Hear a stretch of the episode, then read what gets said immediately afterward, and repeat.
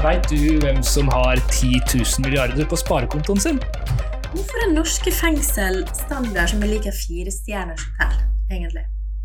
Det skal vi prøve å svare på i dag. Eh, vi begynner med å snakke om eh, oljefondet. Yes, for det er vi som har 10 000 milliarder på sparekontoen vår. Ja. Og med vi så mener vi da norske statsborgere, og norske stat. Ja. Oljefondet ble oppretta på slutten av 90-tallet og eh, består, eller kom for første gang over 10 000 milliarder. Det er et veldig eh, det er et sånn vanskelig begrep når det blir så mye penger. Eh, For å sette det litt i perspektiv, så er det norske statsbudsjettet på milliard, nei, 1500 milliarder ca. Hvis jeg ikke tar feil på det. Skal vi se. Og det vil si at den norske stat kunne gått sju år, seks, seks, sju år, uten å ta inn noen som helst slags inntekter, Ja, eh, for det og bare levd på oljefondet. Ja, veldig bra du sier det. For jeg tror noen kanskje tror at inntektene til den norske stat er hovedsakelig oljefondet og oljepenger, men det er det jo selvfølgelig ikke. Ja, nei, det er jo ikke i det hele tatt. Altså, det største inntekten til den norske staten, det er jo skatter og avgifter. Eh, og veldig mange vil jo si at Norges største, største øh, hva skal man si, den største konkurransefortrinnet til Norge, sammenligna med for eksempel, eller sammenlignet med land som ikke har det sånn, og det er at kvinner jobber. Ja. Vi har 50% mer skatteinntekter enn land som ikke har kvinner i arbeid. Og det har ganske mye å si. Selv om det går ut en del penger det året med svangerskapspermisjon, men altså det kan jo gå ut til menn og kvinner, da, ja, så er det lønnsomt, for da beholder du kvinner i jobb. Men så var det det oljefondet, da. Det, var jo inne i et spill denne uka her, fordi det nådde den magiske grensa på 10 000 milliarder. Så en milliard, er det en million million, eller er det 1000 millioner, nå må jeg spørre. En milliard, Ja, det er 1000 millioner. ok. en million million. Altså, jeg klarer ikke å se forskjellen på de to, men det er et ufattelig høyt tall, i hvert fall. Ja. Eh, og vi har noe som heter handlingsregel, da. For vi kunne jo bare Altså, hadde alle fått Tenk om vi hadde bare delt det fondet på fem millioner innbyggere i dag.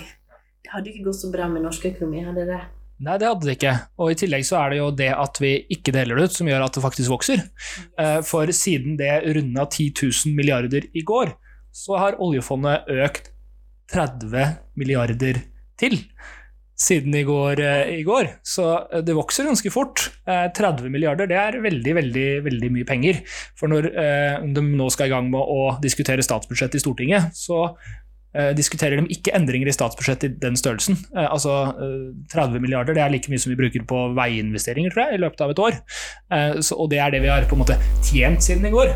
Så det her er renteinntekter, eller altså in, Nei, det er ikke renteinntekter, det er inntekter som går fordi at oljefondet har investert i forskjellige selskaper og forskjellige verdipapirer rundt omkring i verden. Og det er det som gjør at det fondet vokser og vokser. Det er ikke det at vi eh, tar opp masse ny olje, selvfølgelig det også, men det er de der investeringene som fører til at det fondet vokser.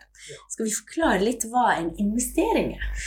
En investering er jo når du eh, tar pengene dine, og så kjøper du det man kaller aksjer, som er en type verdipapir, eh, i en bedrift.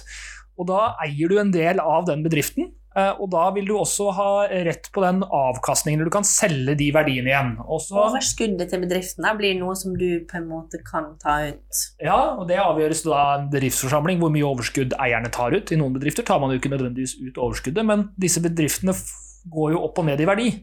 Eh, Og når da Norge eier f.eks.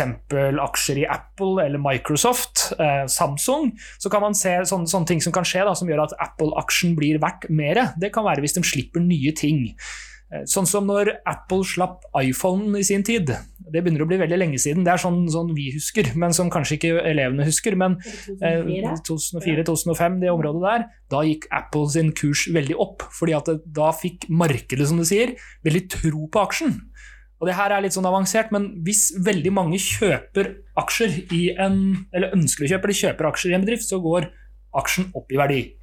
Hvis veldig mange selger, så går aksjen ned i verdi. Så Så det er litt som et hesteveddeløp, på en måte. At de som satser Altså hvis man har trua på hesten, så går eh, verdien opp. Det var en veldig dum metafor, egentlig. Men det er jo mye psykologi bak det. det handler mye optimisme og tro på et selskap fører til at verdien på aksjene, som da bare er et papir, egentlig, ja, går opp. Og det er det som gjør at oljefondet vårt vokser, da. Det, det, er det, og, og, man så jo under finanskrisa så hadde vi trøbbel med det. fordi at da, som du sier, det handler om optimisme og pessimisme. Da, så det er folk som altså folk blir redd. Og det er jo klart, hvis du har investert hele, alle verdiene, og det er veldig mange som har, eller de som har verdier, har investert store andeler av sine verdier i, i aksjer, gjerne. Og hvis det da er sånn at man får beskjed om at nå er det en finanskrise på vei, banker er på vei til å gå konkurs i USA, som var situasjonen da, da får folk panikk, da. Og så selger man ja, prøver man de, å selge så fort som mulig for å få mest mulig igjen. yes, og da mister disse verdipapirene verdien sin. Ja. Og hvis vi skal knytt, koble på litt personlig økonomi her, da, så er det jo sånn at det, det sparing i Norge nå Det, det lønner ikke så mye bare en vanlig sparekonto, for nå er renta veldig lav. Rente er jo også en slags avkastning, så hvis vi hadde satt hele oljefondet inn på bok, så ville man jo fått noen renteutgifter, men de er ikke så høye som som fortjenesten på en investering. For det er det veldig sikkert å spare på bok. For penger skifter ikke verdi på samme måten som en aksje. Men det gjør ja, renteinntekter. Hva sa jeg? Utgifter. Okay, utgifter. Det går bra. Ja. Inntekt, utgift, inn, ut. Veldig viktig Veldig viktig. Men så er det sånn at hvis du først har litt penger som du vil spare og få litt sånn avkastning på det, og få litt større gevinst på, så kan du bli rådet av banken til å investere istedenfor å spare. Og da kan det skje at du kan få mye større gevinst, mye større inntekter på det, enn om du bare sparer, men da har du jo også en risiko, for det kan jo selvfølgelig miste verdi. Og det skjer ikke så ofte når du sparer med penger. Så det, eh, i personlig økonomi så er det veldig viktig å forstå de der noe spareprodukter som bankene har. da. At det er risiko som gjør at du også kan tjene mer. Ja, det er kjempeviktig. fordi at eh, Hvis du setter inn 1000 kroner på kontoen din, så eh, tror jeg kanskje renta ligger på sånn 1, eh, 1, mellom 1,5 og 2% kanskje. Og når vi vet at prisveksten er på 2,5% pluss-minus, så vil pengene dine bli mindre og mindre verdt. Det vil Si at hvis du putter inn en tusenlapp på kontoen din i dag, og har den der til du blir 60 år, så vil den tusenlappen da ha vokst mindre. Den blir litt mer og litt mer, for du får ca. halvannen prosent da, i økning hvert, hvert, år på den tusenlappen. Eh, så da får du halvannen prosent av 1000, det er 15 kroner. 15 kroner i året på den tusenlappen. Men problemet er at uh, prisveksten, altså det, den, den, veksten det er i de tinga vi kjøper, som vi kan bruke den tusenlappen på, øker, den prisen øker mer. Ja, en pølse koster 100 kroner mer ja. 50 år etter. Ja, og da har du et problem. Så det lønner seg. Du kan ikke spare langsiktig på en sparekonto. Det er veldig bra å gjøre det når man skal spare til I vår hverdag så gjør vi jo det. Vi, vi tar ikke den hundrelappen vi har lyst til å spare og kjøper aksjer for den.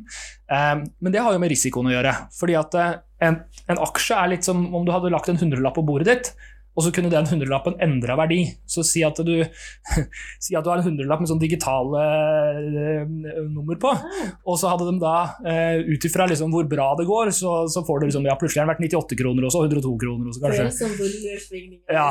Og da er spørsmålet da, ja, hvor lenge tør du, da? Hvis noen forteller deg at nå er det fare for at den hundrelappen blir veldig mye mindre verdt. At den plutselig kan være verdt 50 kroner. Og da er det sånn, da får du litt panikk, og så går du og veksler den så fort du kan. For, for, å sikre deg at du får så mye som mulig igjen for den. Og da kan det hende du finner på å selge den hundrelappen for 80 kroner, fordi at du vet at det kan være en fare for at du ikke får igjen mer enn 50. Og det er det som skjer med disse aksjekrakka da, og børskrakka. er at eh, De tenker sånn nå må jeg i hvert fall redde stumpene. Så ok, jeg får ikke igjen det jeg hadde investert, men jeg får i hvert fall igjen noe. Ja, for jeg tenker det er mange elever som sikkert hører ordet finanskrisa i mange sammenhenger. Og igjen, det som for oss virka som det var noe som skjedde nettopp, det begynner å bli en stund siden. Eh, men det er jo en hendelse som skjedde i aksjemarkedet i verden, eller finansmarkedet i verden, som begynte i USA, og som spredde seg fordi at vi er så globaliserte nå at det et krakk eh, eller nedgangstid i USA vil påvirke Frankfurt og Tokyo og alle de andre børsene. Så den finanskrisa var jo akkurat det at en haug med verdipapir papir, som man trodde hadde høy verdi, som var lån eh, som folk skyldte, de plutselig fant man ut var ikke verdt noen ting. Fordi at folk betalte ikke tilbake. Eh, det var liksom råtne lån som var til folk som ikke hadde penger til å betale. Eh, og da var det en stor bit av markedet som bare forsvant. Og, da Eh, skjedde det en sånn dominoeffekt som førte til at her i Norge også så ble vi berørt. Men vi ble ikke berørt så mye, for vi hadde oljefondet som kunne pøse på litt penger. Ja. Eh, mens andre land, da ble det en dominoeffekt som gjorde at det, økonomien gikk ganske dårlig. Ja, og I tillegg så hadde vi jo generell altså, vi har generell god økonomi i Norge da, som gjør at vi fortsetter å bruke. Jeg husker jo eh, Statsministeren da, Jens Stoltenberg sa jo at eh, nå er det viktig at dere går ut og bruker penger som før. For det også er en fare. For det er ikke bare disse som eier aksjer som får panikk, det er folk også. Og da slutter man å handle, og hva er det som skjer da? Ja, da omsetter butikkene for mindre penger, vi slutter å kjøpe luksusvarer, vi slutter å spise mindre eller annerledes mat. Vi kjøper kanskje ikke liksom, de fineste produktene lenger, vi kjøper kanskje noe billigere. Boligmarkedet er jo kanskje det Minst. folk i hverdagen kjenner mest til. Fordi hvem har ikke en eller annen onkel som kjøpte leilighet på 80-tallet til 200 000 og solgte den ti år senere til to millioner, og så fikk en gevinst der som de da brukte til å kjøpe Altså, det er veldig mange som har på en måte fått gambla eller kjent på svingningen i markedet gjennom bolig. Eh, og her i Norge så er det jo sånn at prisene har bare steget og steget og steget på bolig. Og det er mange som har sagt 'nå sprekker bobla'. Når de sier det, så betyr det at nå vil ikke eiendom plutselig Altså nå vil eiendommen begynne å synke i verdi. Ja. Men det har ikke skjedd ennå. Nei, det har ikke det. Og eh, det, det, du skal være en god finansspekulant eller god boligspekulant for å anta akkurat når den kommer. Eh, men at det kommer til å være mer svingninger i de, eh, i de eh, markedene, er jo ingen som helst tvil om. Så vet vi jo en fakta til om oljefondet. Vi eier 1,4% av alle børsnoterte selskaper i verden. Og det er ganske mye. Altså det er egentlig helt ufattelig mye, for da kan vi tenke oss vi er 5 millioner innbyggere. Eh, som eier da 1,4% av alle børsnoterte selskaper. Det er eh, ganske voldsomt. Ja. Så lille Norge er jo da egentlig en økonomisk stormakt, kan vi si. Fordi investorer har makt når det gjelder samfunnsutviklinga. Vi, ved å investere, altså ved å si vi vil putte penger inn i deres virksomhet eller inn i deres selskap, så er man med å støtte det selskapet, og da får man flere av de selskapene vi støtter for. Og det var jo derfor også Norge kom jeg ble kritisert nå litt av Framtiden Våre Hender, som er en, eh, en interesse Nei, det er ikke en interesseorganisasjon, det er en organisasjon i Norge som jobber for mer bærekraftig eh, Ja, gud, det var vanskelig å jeg har lyst til å si NGO, men det er et engelsk begrep som betyr Non-Government Organization. Jeg vet ikke om vi har et like godt begrep på norsk. Men eh, de gikk i hvert fall ut og kritiserte Norge nå, fordi det er nettopp kommet en liste over de 20 selskaper i verden som har mest CO2-utslipp. Og blant topp 20 så var oljefondet tungt inne i 11 av dem. Så det betyr at vi da støtter virksomhet som fører til enorme mengder utslipp. I tillegg til selvfølgelig oljefondet er basert på våre oljeinntekter, som tross alt må vi se har vært fordelt veldig demokratisk og brukt til et ganske fint samfunn. da. Ja, og, og vi har jo tidligere sett at det har vært diskusjon rundt hvordan oljefondet skal bruke pengene sine. eller har vi sagt det riktige ordet for, eh, for, oljefondet? Det heter jo egentlig Statens pensjonsfond utland. Yes, det er viktig å si. du oljefondet, så er det det du treffer på. ja, eh, så hvis man lurer da på Oi, her, det ser jo veldig rart ut at det heter det, men det er altså riktig. Det er Statens pensjonsfond. Um, Eh, men det har jo vært en diskusjon før om det, og de har jo trukket ut pengene fra kull. Eh, fordi at man ikke ville at man skulle investere kull i oljefondet. Det har også vært diskutert om man skal trekke oljefondet ut av olje. Og det er jo interessant, da. Og det er nettopp fordi at når du eier 1,4% av alle børsnoterte selskaper, så er det klart du har en makt over, over utviklinga. Og den ene sida er jo at det kan komme flere av det selskapet, men du styrker jo også det selskapet. Eh, og noen av disse selskapene er jo så svære at de i seg selv er jo altså, Det er ikke så farlig om det kommer flere av dem, for det er jo ingen av dem som klarer å bli så svære uansett. Så, mm, mm. så, det er jo det å, man er på en måte med på å eh, holde noe i gang, da. Ja, altså Hvis oljefondet da hadde bestemt seg for å investere mer på fornybar energi, som de har, tross alt, så kan det være noe som kan være med å styre utviklinga i verden. Så det er derfor folk eh, i Norge er opptatt av hva oljefondet investerer. For det er faktisk, når det er så stort som det, så er det en kraft i verden i utvikling. Det handler ikke bare om våre personer og om Norge, men det handler om hvilken vei verden skal gå. Da så kan vi jo diskutere dobbeltmoralen ved å bruke oljepenger til å skape en bedre verden, men det er jo den verden vi lever i, da. Jo, men altså, det, det vil jo ingenting kanskje som er mer rettferdig enn når man faktisk bruker de eh, oljekronene på å faktisk forsøke å rette opp i ting, da. Det vil jo på en måte være bedre enn å fortsette å bruke den på olje, i hvert fall. Ja, for det blir vel nesten bare en liksom moralisering, da, at, skal, at man skal fordømme Eller kan jeg si blodpenger er det jo noe som heter sikkert det oljepenger er det samme, men det er da Du tar ikke imot penger som kommer fra et mord, f.eks. Eller ja. Men så er det jo også et element her som er viktig å si. Da, og det er at eh, Når man forvalter disse pengene altså Det sitter jo masse folk og jobber med det her hver eneste dag, hvordan man skal investere pengene. Og Dem har jo fått beskjed om at de skal ha medium til lav risiko. Og det vil si at eh, Oljefondet kommer ikke Hvis du har en sånn briljant og sitter og har en briljant idé om et eller annet eh, hjemme på rommet nå, så er det ikke sånn Det er ikke noe vits å ringe til oljefondet og si sånn Gidder dere å investere litt penger hos meg? For det, det vil være for høy risiko. Og det også er noe av utfordringa knytta til grønn industri og, og, og, sånne ting. Ikke det at eh, jeg tror Mye tyder jo på at det kommer til å være fremtidens industri og fremtidens selskaper å investere i, men risikoen for at akkurat det selskapet ikke klarer det, eh, det den er nok større enn en det man kanskje ønsker at den skal være, med tanke på å klare å forvalte pengene i fondet. Så Det også er jo en bit, og det er jo flere som har diskutert. Eh, SV for eksempel, har jo et forslag på å trekke ut en del av oljefondet, lage et eget grønt fond som da kan investere med en høyere risiko. Um, ja, vi har jo et fond her som heter Hva heter det? Heter det? Så jeg har lyst til å si Snøfrisk, men det er et eh, grønt investeringsfond i Norge som har blitt eh, danna for å investere i akkurat som fornybar. Så det er noe som skjer. Eh, på en annen side så er jo litt eh, Hvis vi skal introdusere litt sånn verdenssamfunn her, så er det jo Selvfølgelig når vi snakker om utslippskutt og sånne ting, så må jo, har jo de rike landene i verden forplikta seg til å støtte de fattige landene med penger, sånn at de kan få andre energiformer som er dyrere, da rett og slett, men som de trenger. Så det er ikke bare gjennom investering vi skal støtte den utviklinga, men faktisk er oljefondet en måte å drive politikk på. Da. Ja, og det er mange måter å, å drive en sånn utvikling. Forskning også, f.eks. Jeg ser En som faktisk driver på den måten, er Bill Gates med sin foundation, som prøver å løse toalettproblemene i, i afrikanske land. og mm. Utfordringa er at det allerede er gigantiske byer, og så skal du klare å bli kvitt all, all uh, kloakken. Det er ikke så veldig lett, for du må så her har vi bygd rør, og den bygges jo før du bygger huset, så da er det på en måte greit. Men hvis huset allerede står der, så har du et problem. Så dem har jo da utvikla svær forskningskonkurranse der hvor de har utvikla toaletter som kan forbrenne eh, kloakken og gjøre den om til gjødsel eller den type ting. Og det er jo en sånn måte man kan bruke penger på da, for å skape en utvikling. For det er ikke alltid at det er de løsningene vi bruker i Norge i dag som er løsningen for andre steder i verden. For de må ha en infrastruktur på plass, da? Ja, og klimaforskjell, da. Altså her er det minusgrader om vinteren og relativt kaldt. da, Det er jo sånn vintertemperaturer i Norge midt på sommeren. liksom, i de, de, hvert fall de varmeste områdene av, av afrikanske land knytta til ekvatorlinja. Og det er klart at da, da er det jo et og annet som fungerer her, som ikke nødvendigvis fungerer, fungerer der. Um, og det må man jo kunne tilpasse for. Vi har også billig strøm her, eller har vi det? Vi har i hvert fall kraft, som er mye av det vi varmer opp husene våre med, for det trenger vi, så kaldt som det. Ja, Er det noe mer vi skal si om oljefondet, da? Eller prøvde å forklare litt om økonomi og hvordan det fungerer? Eh, neste sak som vi eh, tok opp i nyhetsbildet, var jo den saken at New York ser til Halden. Det er ikke så ofte vi ser. Det er ikke så ofte. I hvert fall ikke Halden. Um, Overskrifta er at New York legger ned beryktet fengselsøy, lærer av Norge når de bygger nytt.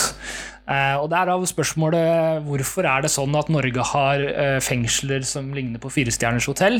For det første så tror jeg det er en litt sånn, det er en sånn saying, da. Eller en sånn eh, hva skal man kalle det? Det er en sånn internettmyte. For ja.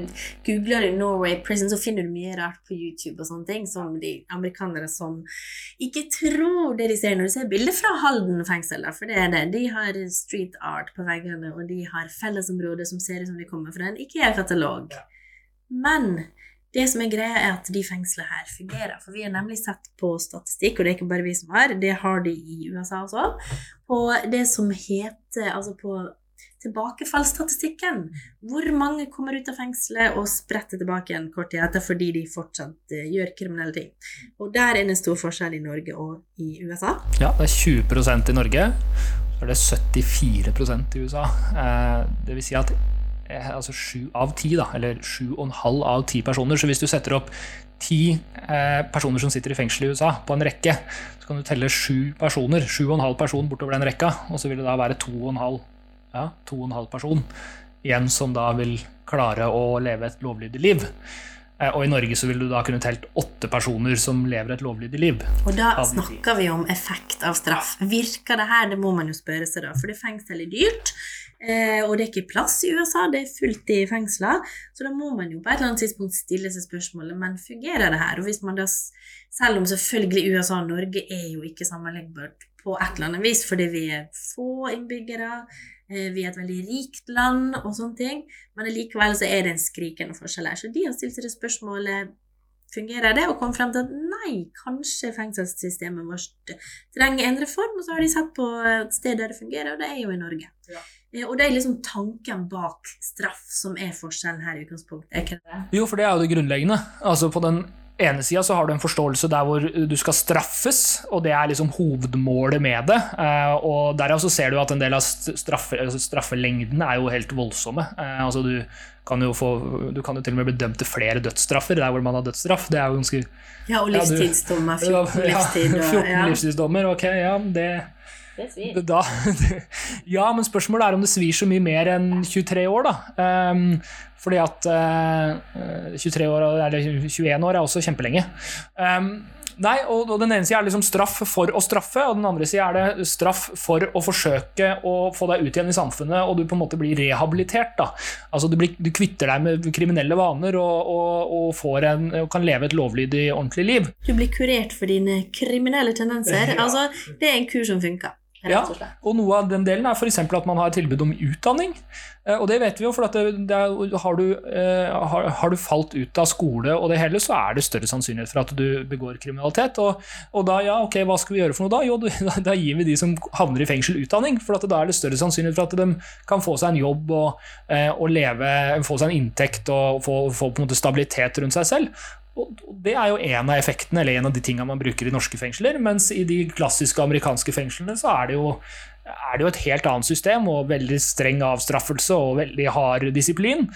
Og det har eh, sikkert på en måte sin effekt på sett og vis, da, men, men det har jo tydelig, helt tydelig ingen preventiv effekt. Den blir, ikke, den blir ikke mindre kriminelle av det. Kanskje det stopper noen fra å bli kriminelle i utgangspunktet fordi de har ikke lyst til fengsel. Det kan tenkes at eh, Og det har jo jeg hørt bli sagt at det, folk er ikke redd for å havne i fengsel i Norge. Nei, du er ikke det. Men eh, allikevel så er det jo kanskje ikke den eneste tingen som stopper deg fra å bli kriminell. For det, det er også en ting å se på hva er det vi tror er årsaken til at noen er kriminelle. Og der er det også to sider. Men vet ikke om du er ferdig med å snakke om de to begrunnelsene for straff? eller? Nei, nei, jeg tror det er Nei. fornuftig å gå videre til de to sidene, Mm. for det også er jo eh, en forståelse av om det er samfunnet eller individet som er problemet, og så har du Mm. sikkert alle mulige sjatteringer derimellom. Men det å, å tenke at liksom du skal straffes for dine, dine feil, det er jo én måte å se det på. Den andre måten å se det på er at eh, samfunnet har i sin struktur, eller måten samfunnet fungerer på,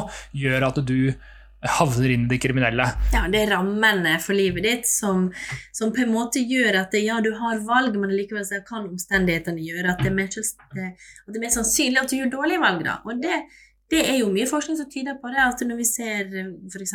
i fattige strøk, så er det mer sannsynlig at noen gjør dårlige valg som, som gjør den kriminelle. Eller har du, altså lav, har du dårlig økonomi, så er sjansen større for at du gjør det, selv om du selvfølgelig har et valg. Eh, og det samme med kjønn, eksempel. Det er jo litt interessant. Ja. Det er mye mer sannsynlig at du som gutt havner på kriminalstatistikken enn jeg gjør. Ja. Og det handler jo ikke om individuelle valg. Det er ikke det at gutter, at 70 av guttene gjør, som havner i fengsel i forhold altså, Nei, det er ikke 70% av gutter som havner i fengsel, men av de som er i fengsel, så er det vel 70% som er menn, da. Eh, Og det er jo ikke sånn at alle de har satt seg ned og tatt individuelle valg. Det må være noe som skjer på et systemnivå, samfunnsnivå. Og da er det noen som snakker om kjønnsroller, da. At det, eh, rammene for ditt liv, det at det blir forventa at en gutt skal være sånn sånn, kan også påvirke de valgene vi tar. For jeg tror ofte at du tenker at ja, men jeg kan velge fritt. Og da er det samfunnsforskere som sier nei, du velger fritt innenfor det løpet du er i, på en måte.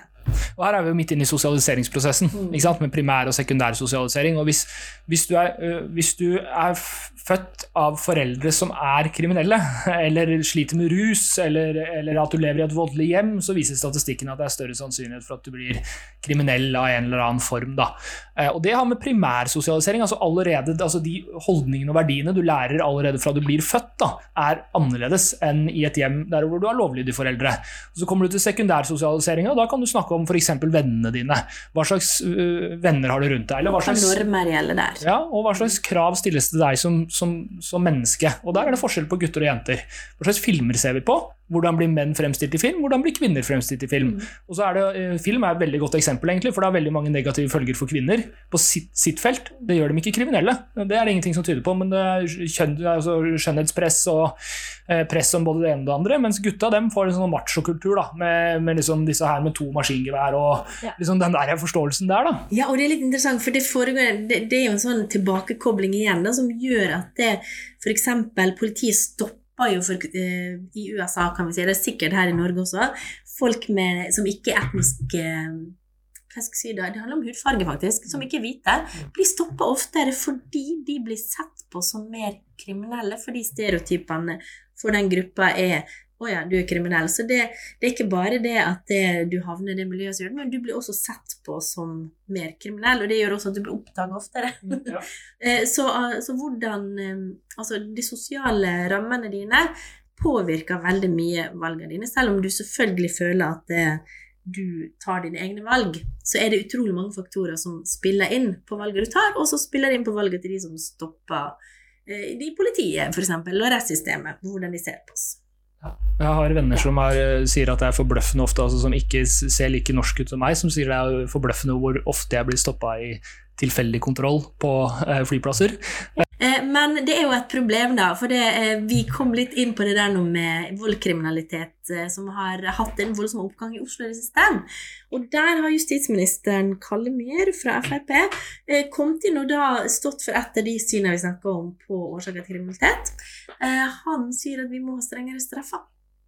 Og da kan man jo diskutere når vi vet altså fungerer det, men det har jo blitt diskutert da i etterkant av det utspillet. Og vi har ikke noen fasit. Og noen sier ja takk, begge deler. De sier at ok, eh, for de ungdommene her så har vi ingen eh, muligheter til å gi reaksjon eller sanksjoner, ikke sant, som gjør at de skjønner at det her er ikke bra atferd. Og ja, da må vi ha straff. Og så er det andre som sier at nei, det her handler om oppvekstvilkår. Eh, og det handler om eh, f.eks. identitet og selvforståelse. Det her er gutter som, for det er gutter som blir stoppa hele tida og behandla som kriminelle, og det gjør også noe med det. Så vi har den diskusjonen på gang akkurat nå. Eh, når vi ser på voldskriminaliteten i Oslo. Ja, det er jo en, en fin ting å følge med på, for det er jo en sånn ting som, som hele tida utvikler seg, den debatten, og se hvordan den går. Og det er jo interessant å se på hvordan de ulike sidene argumenterer. Vi skal ikke sitte og være dommer for hva som er riktig og galt i den saken, men det er jo eh, interessant når man ser at USA legger om straffesystemet sitt. Vi ser at uh, andre områder i verden som har skyhøye straffer som det ikke nødvendigvis er noe mindre kriminalitet. Altså folk i Milwaukee i USA som man har kjempestort problem med, med drap, så er det jo kjempehøye straffer for å drepe noen. Men uh, det er andre ting som spiller inn, da, uh, som gjør at Og jeg tror det har, kanskje har noe med hvilket håp du har for livet ditt. Hvis du ikke har noe å tape lenger, Nei, hva er det for noe da? Altså, jeg, nei, jeg kommer ikke til å få meg jobb. Jeg kommer ikke til å tjene noe særlig med penger. Um, kanskje den, det der hvor jeg har muligheten til å jobbe, gir veldig lav lønn. Um, jeg har trøbbel på hjemmebane, familien min er kaos, altså uh, ingen stabile rammer. Så er det klart at da har du en annen forståelse. Og hvis du da kan gjøre liksom et ran og, og liksom dra til deg noen eh, gode penger på ganske kort tid og kjøpe deg akkurat det du har lyst til, så er det klart at da blir det en fristende ting å gjøre. Det kan jeg ha på sett og vis en forståelse for da, at det, det ender der, og da bør vi kanskje gjøre noe med de, de, de tinga. Ja, men det er rammen. Og så er det også det selvtid status i vennegjengen din også. Eh, og det ser vi også. Så det, men det som er greit, det er jo komplekse saker. Det er veldig mange ting som eh, virker sammen. Eh, Så det er ingen enkle svar på det her, men det er i hvert fall to forklaringsmodeller da, som man kan se nå i levende spill i diskusjoner rundt gjengkriminaliteten i gjenga som pågår i Oslo. Men noe vi alle sammen kan gjøre, eh, og som kan være oppgaven etter den episoden her av Samfunnsfagpodden, det er at eh, vi vet at folk som havner utenfor det sosiale, utenfor eh, eh, liksom vennegjengen, dem har større sannsynlighet for å, for å begå kriminelle handlinger også. Altså at man ikke har et sosialt fellesskap. Så det å faktisk ta hånd om hverandre, eh, ta inn de som eh, er utenfor, sørge for at vi i klassen eh, er venner med alle, eh, ikke nødvendigvis bestevenner, men venner med alle, det er kriminalitetsforebyggende. Både med tanke på liksom vanlig kriminalitet, men også i forhold til ekstremisme og, og den typen ting.